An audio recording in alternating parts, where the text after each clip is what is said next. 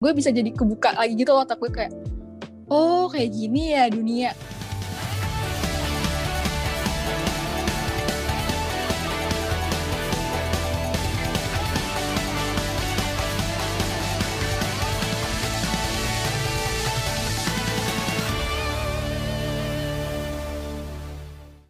Halo DigiFriends semuanya, selamat datang di Pokari, podcast Makara Inspiratif. Nah, hari ini aku Ella akan menjadi host Pokari di episode kedua ini. Judul dari episode kedua ini adalah Maba Begins karena sejalan dengan tema bulanan kita pada bulan ini yaitu Begin kita tuh udah kedatangan dua kakak-kakak cantik nih yang ada di balik layar event pertama maba-maba UI yang akan masuk di tiap tahunnya. Jadi kita kayaknya langsung kenalan aja kali ya sama kakak-kakak ini. Hai Kak Nia, hai Kak Atika. uh, Hai, apa kabar? alhamdulillah baik Baik, baik. Baik, oke. Daripada pad- teman-teman DigiFriends pada penasaran nih, kayaknya langsung kenalan aja kali ya kak. E, bisa kenalan nama, jurusan, fakultas, dan juga kakak jadi apa sih nih e, selama OKK 2020 kemarin? Ya boleh dari kakaknya dulu kali ya. Eh, hai semuanya, kenalin. Aku Kanianya Putri, aku dari Farmasi UI 2017. Dan pada OKK kemarin aku diamanakan sebagai Vice Project Officer. Nih, keren banget nih kak. Kalau boleh tahu tugasnya Vice Project Officer apa aja nih kak? Sebenarnya Vice Project Officer ini lebih ke menemani dan ngebantuin Project Officer-nya. Jadi kalau di OKK sendiri sih aku bagi tugas dan juga eh, diskusi kalau misalnya ada masalah-masalah di OKK. Oke deh. Udah dari kakaknya, sekarang kita beralih ke Kak Atika. Boleh nih Kak buat uh, perkenalan diri nih Kak. Halo semuanya, uh, kenalin nama gue Tika Previanti dari FMIPA Fisika 2017. Kemarin di OKK gue selaku Project Officer OKK UI 2020. Nah, kita tuh kedatangan tamu-tamu keren di sini karena ini Katik dan Kak Kania ini adalah Project Officer dan Vice Project Officer OKK UI 2020. Aku pengen tahu nih Kak, OKK itu tuh apa sih Kak? Oke, uh, kalau misalnya OKK sendiri ini sebenarnya tuh uh, apa ya salah satu acara untuk menyambut adik-adik mahasiswa baru UI, di mana di sini tuh kita biasanya lebih memperkenalkan kira-kira untuk ke depannya nih kalian sebagai mahasiswa baru untuk tahu kehidupan UI itu kayak gimana sih kayak gitu. Mungkin bisa ditambah lagi sama Kania. Iya, jadi untuk di OKK ini kita lebih kayak uh, penyambutan dan kita kenalin pertama kali sih di UI ini kita, kalian tuh bisa ngembangin diri kalian ke mana aja sih. Oh, Oke, okay. jadi ini tuh event pertama banget ya buat maba-maba Iya. UI setiap Betul. tahunnya. Wah keren banget nih. Nah, fungsi diadain OKK-nya OKK sendiri tuh apa sih Kak? Mungkin dari kakaknya kali ya. Nah, kayak udah tadi dibilang, OKK ini sebenarnya sebagai gerbang penyambutan bagi mahasiswa barunya. Dan di sini kita juga pengen kalian lebih mengenal potensi kalian sendiri, dan kalian juga bisa tahu nih, oh ternyata di UI itu ada banyak loh tempat eh, wadah-wadah buat kita mengembangkan kemampuan kita. Kalau menurut Atika gimana, Tik? Uh, jadi kalau misalnya OKK sendiri itu dijalanin kita selain menyambut kita juga memperkenalkan nih kira-kira unsur-unsur di dalam UI itu ada apa aja sih kayak misalkan ada lembaga-lembaga, ada UKM, terus uh, kira-kira dari setiap fakultas tuh uh, ada kira-kira fun fact fun fact-nya. Jadi mereka dari situ bisa tahu oh ternyata tuh di UI itu ada ini loh, ada kayak gini gini gini gini dan dari diri gue sendiri gue bisa mem- uh, mengembangkan potensi gue di sini di sini di sini gitu. Wah, menarik banget ya. Berarti benar-benar maba-maba ini tuh mengenal UI lebih dalam lagi gitu ya. Nah, aku tuh pengen tahu Kak, kegiatan di OKK sendiri tuh eh, apa aja sih yang menunjang fungsi OKK-nya sendiri gitu? Mungkin dari Kak Atika boleh? Jadi kalau misalnya kegiatan OKK sendiri itu dari ke tahun ke tahunnya itu kita selalu sama ya. Eh, jadi itu kita ada eh, pra pra menuju puncak OKK sama eh, ada hari puncaknya. Jadi kalau misalnya pra itu kita biasanya tuh bakal ada kayak eh, mentoring, terus kita bakal ada well map. Nah nanti kalau misalnya udah melewati itu semua menuju hari puncak kita eh, biasanya tuh mentoringnya ini yang bakal lebih menonjol di OKK. Sampai nanti hari puncak ini istilahnya eh, kayak wah kita udah ngelewatin nih misi-misinya sekarang eh, kita harus ngerayain kalau kita udah berhasil ngelewatin ini semua kayak gitu. Oke, tadi Kak Atika sempat mention tentang misi-misi ya. Berarti sebenarnya OKK ini uh, ada tugas dari mentoringnya gitu ya kak ya? Iya betul. Nah, aku tuh pengen tahu esensi atau tujuan dari tugas-tugas yang diberikan itu sendiri itu apa sih, Kak? Mungkin bisa dibantu jawab sama Kak Nia mungkin. Iya, iya, kalau misalnya esensinya sih kayak yang tadi udah Tika bilang juga. Pertama, eh, kita pengen kalian lebih kenal dulu nih sama diri kalian sendiri.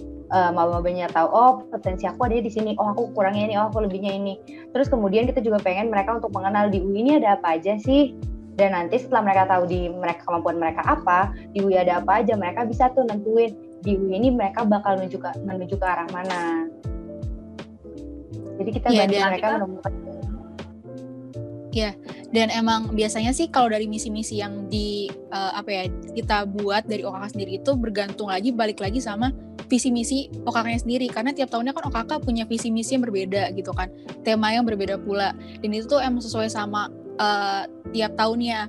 Nah, kalau misalnya dari OKK UI 2020 sendiri ini kemarin karena uh, visi misi kita itu lebih menonjolkan kepada nilai cinta bangga kontribusi, jadi kita tuh lebih uh, apa ya lebih uh, mengarah ke visi misi kayak gimana nih caranya supaya mereka tuh uh, bisa ngetahui nih oh uh, gue pengen target gue kayak gini tapi potensi gue kayak gini kira-kira arah kontribusi gue ke mana ya kayak gitu oke karena tahun kemarin ya berarti 2020 itu tema kontribusi iya mm-hmm. jadinya pasti tugas-tugasnya itu akan menyangkut ke arah sana gitu kan uh, ya, ini betul. mungkin menjawab juga menanamkan nilai kontribusi ya dari teman-teman maba ya kak. Iya benar banget. Nah aku tuh pengen tahu nih sebenarnya karena kan 2020 kemarin tuh adalah tahun yang beda juga ya dari tahun-tahun mm. sebelumnya termasuk untuk OKK juga gitu. Boleh nggak sih kak ceritain secara singkat gitu kira-kira uh, apa aja sih yang dilakukan di OKK kemarin, terus juga perubahan-perubahan apa yang terjadi, terus uh, gimana cara overcome uh, kesulitan-kesulitan itu gitu kak. Boleh dari Kak Atika ataupun Kak Ania silahkan. Oke. Okay. Uh, mungkin dari gue dulu ya. Mungkin kalau misalnya dari OKK UI 2020 sendiri ini kemarin kan emang beda banget dari tahun-tahun sebelumnya. Di sini uh, tantangan kita terbesar adalah kita harus nggak ngejalanin ini semua online dan kita harus uh, menggiring maba yang jumlahnya sekitar ada 8.500 untuk uh, ngikutin uh, OKK ini karena OKK ini sebenarnya cukup penting gitu penting banget karena ya kalian baru dari SMA baru masuk ke UI istilahnya belum tahu nih UI dalamnya ada apa-apa aja gitu. Nah uh, sebenarnya kalau dari uh, OHK 2020 ini yang membedakan dari tahun-tahun sebelumnya yang biasa dilakukan secara offline itu biasanya kan kalau kita itu kalau misalnya maba baru masuk bakal ada well map dan well map ini tuh isinya ada kayak paguyuban, ada kerohanian, terus nanti kita bakal ke stand fakultas, terus ke stand jurusan. Nah, uh, di sini yang membedain kita sama uh, 2020 ini. Jadi kalau di, di 2020 yang biasanya semua elemen ini dijadiin satu, kita uh, kita pisahin kayak gitu. Kita bagi-bagi per part-part supaya uh, karena kan emang jumlah elemen di UI itu kan ada banyak banget. Jadi di sini tugas kita gimana caranya dengan jumlah yang banyak ini uh, apa ya isi-isi dari UI ini tetap bisa tersampaikan dan gak boring gitu. Karena kan emang kalau online gini kita juga mesti mikir keras lagi kan. Gimana nih caranya supaya lebih fun lebih asik dan ya supaya lebih tersampaikan aja kayak gitu sih kalau dari gue. Mungkin bisa ditambahin nama Kania. Uh, sama sih palingan sama kayak Atika. Paling yang membedakan juga uh, sekarang semuanya kayak yang udah Tika bilang serba online. Berarti kita harus usaha lebih keras supaya menarik banyak. Kayak kenapa ya uh, buat menyadarkan mereka sendiri kayak oh gue harus ikut OKK nih. Itu kan ke dulu mungkin kayak gampang yang engage-nya. Karena kayak lihat temen oh temen gue OKK gue juga harus OKK tapi kalau sekarang kan lo nggak punya patokan. Jadi menurut gue itu salah satu hal yang susah sih. Dan Uh, tapi karena dengan adanya uh, bantuan dari semua teman-teman panit, tentunya hal itu bisa kita tutupin. Dan menurut gue bahkan dengan online ini eh, video-video yang kita udah upload mengenai berbagai elemen yang ada di UI itu juga bisa ditonton sama calon maba nantinya. Kalau misalnya mereka masih bingung milih fakultas, milih jurusan, bisa banget dicek di, di YouTube-nya OKK karena di situ ada, ada lengkap guys. Kalian mau cek apa aja ada. Eh, promosi nggak kan ya? Baru tadi aku mau nanya, kira-kira bisa cek di mana? Jadi teman-teman bisa cek juga di YouTube-nya OKK ya, bisa ditonton juga yeah. gitu. Nah, di Instagram juga ada ya hmm? di OKK UI. Ya. Mm-mm, betul sekali. Keren banget ya kak ya. Tahun lalu tuh uh, semuanya serba berubah tapi bisa dengan cepat diatasi gitu. Nah oke. Okay. Alhamdulillah. Alhamdulillah. Berarti tim-timnya keren-keren semua ya kak ya? Alhamdulillah. Gak salah lah pokoknya merekrut orang-orang ini. Iya. Ah, gimana kan ya? Suka salah fokus ya kakak Nia. Oke, okay. berarti harapannya tuh uh, terkabul banget ya kak, karena kan oh, kakak ini kontribusi dan ini kan kontribusinya secara mandiri ya, bisa dikatakan seperti itu kalau tahun lalu ya. Oke, okay, keren banget nih. Terus uh, tadi tuh kakak Kak Atika sempat mention tentang uh, maba-maba ini kan juga masih harus menyesuaikan diri juga di universitas, mungkin mereka juga masih bingung dan lain-lainnya. Aku pengen tahu menurut kakak sendiri tuh uh, gimana sih cara beradaptasi di lingkungan kampus sekarang ini gitu loh. Karena kan teman-teman SMA ke kampus kan beda gitu ya. Cara adaptasinya itu gimana sih? Dari kakaknya dulu deh gantian kita. Kalau menurut aku ya pertama yang pastinya cari teman dan cari relasi sebanyak-banyaknya. Terus kalau di kalau di fakultas aku sendiri sih uh, kenalan sama cutting jadi bisa tahu gambaran oh nanti kalau aku udah semester uh, berikutnya bakal kayak gini apa aja yang perlu dipersiapin sekarang. Sama kalau misalnya ada kesempatan entah ikut kepanitiaan, entah ikut magang, entah UKM gitu. Menurut aku sih ikut aja karena dari situ kalian bisa dapat lebih banyak insight, lebih banyak value uh, buat apa sih yang harus dipersiapin uh, selama kuliah ini dan apa sih yang cocok dan gak cocok. Karena kayak menurut aku ya di kuliah itu semuanya serba uh, lihat diri sendiri cocok atau enggak gitu sih. Jadi kayak harus kenal diri juga. Hmm, keren banget nih. Oke, Kak Atika gimana caranya mungkin? Um, kalau dari gue sendiri sebenarnya sama aja sih kayak Kania karena emang kalau dari pengalaman gue dan Kania ya mungkin uh, lebih kita tuh lebih bisa dibilang kalau kita itu cara beradaptasinya lebih uh, emang lebih senang berorganisasi berkepanitiaan kayak gitu. Entah kenapa kalau dari gue sendiri emang dengan cara itu dari situ gue bisa apa ya bisa tahu aja nih kayak oh di sini gue bisa belajar lagi. Oh ternyata tuh ini loh ada hal yang baru yang belum gue tahu. Entah misalnya misalnya pun nih misalnya di kepanitiaan atau organisasi bisa aja misalnya kalian untuk ikut organisasi atau kepanitiaan jangan ikut bidang yang sama-sama terus. Misalnya kayak misalnya sekarang kita ikut acara habis itu nanti kita ikut lagi misalnya di organisasi yang biasanya kita anak seni kita coba ke bidang keilmuan atau kayak gimana. Jadi dari situ kita bisa belajar banyak hal sebenarnya. Pun misalnya ya eh, dan dari gue sendiri karena gue tiga tahun itu di OKK uh, eh, dua tahun pertama gue di OKK itu gue ngerasa keren ya. Gitu dong kalian jadi kalau misalnya gue emang dua tahun pertama itu gue di OKK gue ngerasanya OKK itu merupakan salah satu kepanitiaan di mana itu kan emang berbagai fakultas, berbagai jurusan banget ya kayak campur-campur. Karena kan OKK sendiri panitianya itu ada seribuan.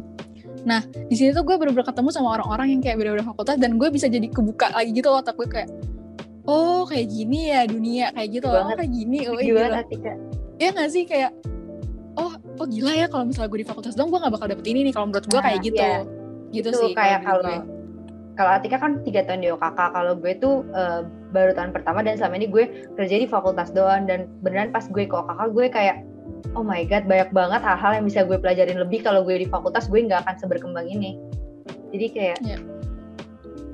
worth it. Keren keren keren.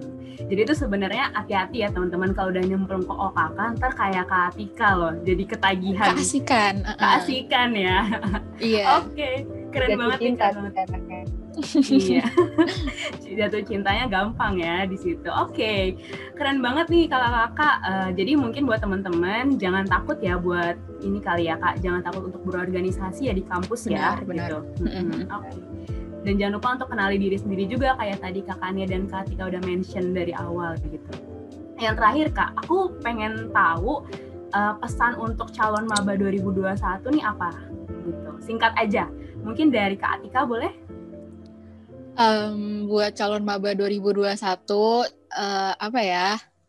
Ya semoga nanti kalau misalnya emang keterima di UI, amin. Uh, kalian bisa mengembangkan diri kalian sesuai dengan uh, minat kalian masing-masing. Uh, ya berarti kalau misalnya dari gue dengan tema gue OKK 2020 itu kontribusi, ya gue berharapnya kalian bisa lebih banyak berkontribusi lah untuk UI, mengharumkan nama UI kayak gitu. Ya uh, menghasilkan prestasi-prestasi yang wow lah istilahnya kayak gitu dan jangan takut untuk mengembangkan diri kalian di sini karena di UI sendiri ini punya banyak banget tempatnya kalian untuk mengembangkan diri nggak cuma organisasi nggak cuma uh, kepanitiaan tapi di sini kita ada UKM dan lain-lainnya kayak gitu sih kalau dari gue siap. siap kak Tika Kania gimana kakaknya Uh, kalau dari gue buat calon maba 2021, ketika kalian masuk UI itu perjuangan kalian tuh baru beneran dimulai. Jadi jangan cepat puas. Dan ketika lo ada di UI, menurut gue sayang banget kalau lo cuma, oh gue cuma lulus doang. Itu tuh menurut gue kurang. Kalian harus punya value lebih. Terserah mau bidang apa, mau organisasi, kayak mau ikut lomba, kayak mau exchange ke luar negeri, entah apa pun itu, please add value lo sendiri ketika lo lulus dari universitas ini. Itu sih. Wow, keren-keren banget nih. Berarti amin ya, amin paling serius ya untuk teman-teman yang pengen masuk UI di tahun 2021. Ya, amin. Kita tunggu ya Kak ya di UI. Betul. Betul sekali. Nah, terima kasih nih teman-teman di G-Friends udah mendengarkan cerita-cerita dari kakaknya dan Kak Atika juga gitu. Boleh langsung cek tadi di YouTube-nya, di YouTube OKK kalau mau tahu tahun lalu kira-kira gimana dan di Instagram OKK UI juga ya Kak ya.